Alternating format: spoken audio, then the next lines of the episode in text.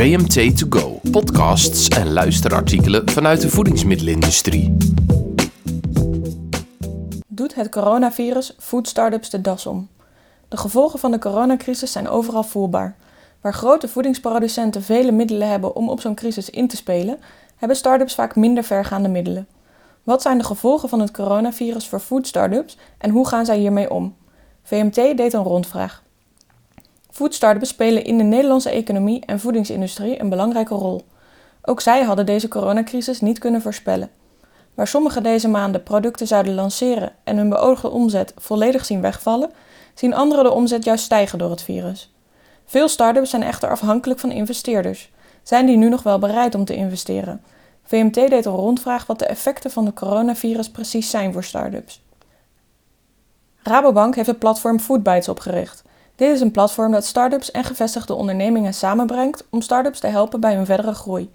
VMT vroeg na hoe het nu met food startups gaat bij Lonneke Kerverhaag, platformmanager bij Foodbytes vanuit de Rabobank. Over het algemeen ondervinden veel startups problemen door de uitbraak van het coronavirus. Volgens een rapport van TechLeap heeft al meer dan de helft van de Nederlandse startups omzet verloren door het virus, vertelt Kerverhaag aan VMT. Daarentegen maken startups die bijvoorbeeld maaltijdboxen leveren of producten aan huis bezorgen nu juist een onverwachte groei door. Productontwikkeling is voor vele startups lastig op dit moment. Veel startups kunnen niet meer naar hun labs of productiekeukens en ook transport is een uitdaging, aldus Kerverhaag. Er is zeker bezorgdheid aangezien niemand precies weet hoe lang deze onzekerheid aanhoudt. Het wordt steeds duidelijker dat we een stevige recessie tegemoet gaan, gaat Kerverhaag verder. Startups zijn vaak afhankelijk van investeerders. De investeringsmarkt is al flink afgekoeld. Een groot aantal investeerders stelt hun investeringen uit totdat de markt weer wat aantrekt. Daardoor zal een groot aantal startups tegen een cashtekort aanlopen, wat groei in de weg staat. Het is realistisch te verwachten dat investeerders kritischer naar nieuwe proposities kijken, vertelt Kervenhaag. Pieter Pot bezorgt boodschappen aan huis in glazen potten. Verpakkingsvrije boodschappen, zoals ze het zelf noemen. Voor deze start-up leidt het coronavirus tot een enorme groei in de vraag. Het bedrijf gaat zelfs vervroegd landelijk uitrollen. Er is een enorme vraag naar bezorgingen aan boodschappen sinds de uitbraak van het virus, vertelt oprichter Juri Schoenmaker aan VMT. Onze wachtlijst is inmiddels verdubbeld. We zouden begin mei landelijk uitrollen, maar gaan door de vraagstijging deze week al landelijk van start. We gaan stad voor stad uitrollen, zo komt er elke paar dagen een stad bij, legt Schoenmaker uit. We zijn ontzettend blij met onze partners die hieraan hard hebben meegeholpen. PostNL Food Services bezorgt de pakketten in de avonduren en neemt de lege potten weer mee terug voor hergebruik. Normaal gesproken werkt Pieter Pot via stroom opwaarts met mensen met een afstand tot de arbeidsmarkt. Aangezien het een risicogroep is, vult Pieter Pot de functies nu op met mensen uit de horeca, die tijdelijk thuis zitten. Er zijn nu velen voor ons werkzaam op deze manier door het vullen van potten en orderpikken, vertelt Schoenmaker. Pieter Pot zal dit jaar versneld de doelen behalen. Zij willen ook iets terugdoen door potje support. Daarmee kunnen consumenten een extra potje bestellen bij de boodschappen, die dan gaat naar iemand die het hard nodig heeft. Ouderen, voedselbanken of mensen uit de zorg, legt Schoenmaker de campagne uit.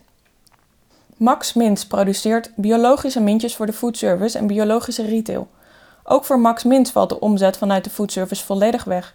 De omzet vanuit de biologische retail loopt volgens de start-up nog wel door. Zoals bij vele collega's merken wij ook direct de gevolgen van de coronacrisis.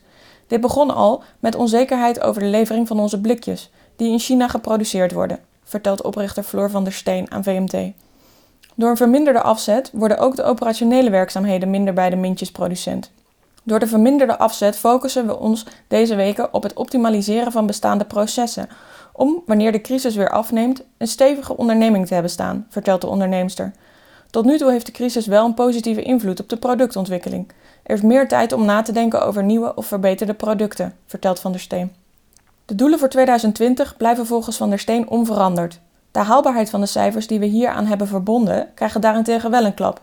Wat we nu al merken, is dat een aantal potentiële klanten, waarmee we al een tijdje in gesprek zijn, introducties hebben uitgesteld tot na de zomer, vertelt Van der Steen. Persoonlijk en als ondernemer ben ik bezorgd. Niemand kan nog inschatten wat dit voor de komende maanden of jaren gaat betekenen. Dr. Rocketbread is een start-up die bijproducten van zoveel mogelijk schakels in verschillende ketens wil gebruiken. De start-up is nog niet officieel begonnen, waardoor de gevolgen naar eigen zeggen meevallen.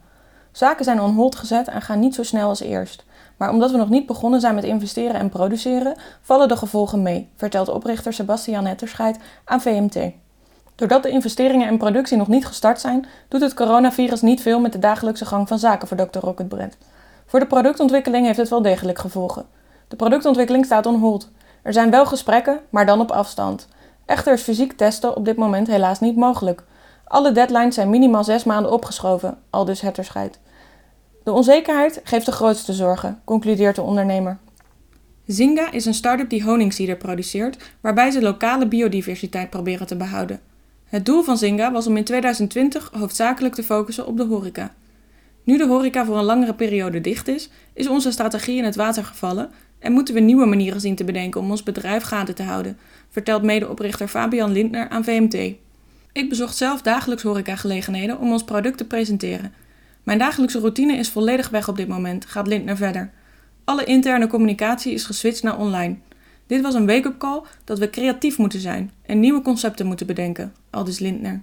In nood gaan dingen ineens sneller. We hebben een online shop opgezet, wat we al maanden wilden. Daarnaast werken we aan een bee-friendly gardening box, waarmee mensen in hun eigen tuin biodiversiteit kunnen borgen, vertelt Lindner over nieuwe ideeën. Ook Zynga haalt ondanks nieuwe concepten niet de beoogde omzetten. Het doel om Zynga in de horeca te introduceren is uitgesteld en ook ontwikkelingsprojecten zijn op de langere baan geschoven. Als ondernemer ben ik bezorgd. Blijven investeerders wel bereid te investeren? Blijven consumenten hetzelfde besteden? We zien deze uitdagingen als een kans om te verbeteren. We blijven doorgaan en maken het beste van de situatie, aldus Lindner. Wil je meer weten over de gevolgen van het coronavirus voor food startups? Wil je weten waarom Rival Foods op dit moment niet zo bezorgd is over de crisis? Waar de krikkerij zich nu vooral mee bezighoudt en hoe Grunten haar weggevallen productintroductie opvangt? Lees of luister dan deel 2 over de gevolgen van het coronavirus op vmt.nl. Bedankt dat je luisterde naar deze podcast van VMT2Go. Meer horen vanuit de voedingsmiddelenindustrie? Check vmt.nl/podcasts.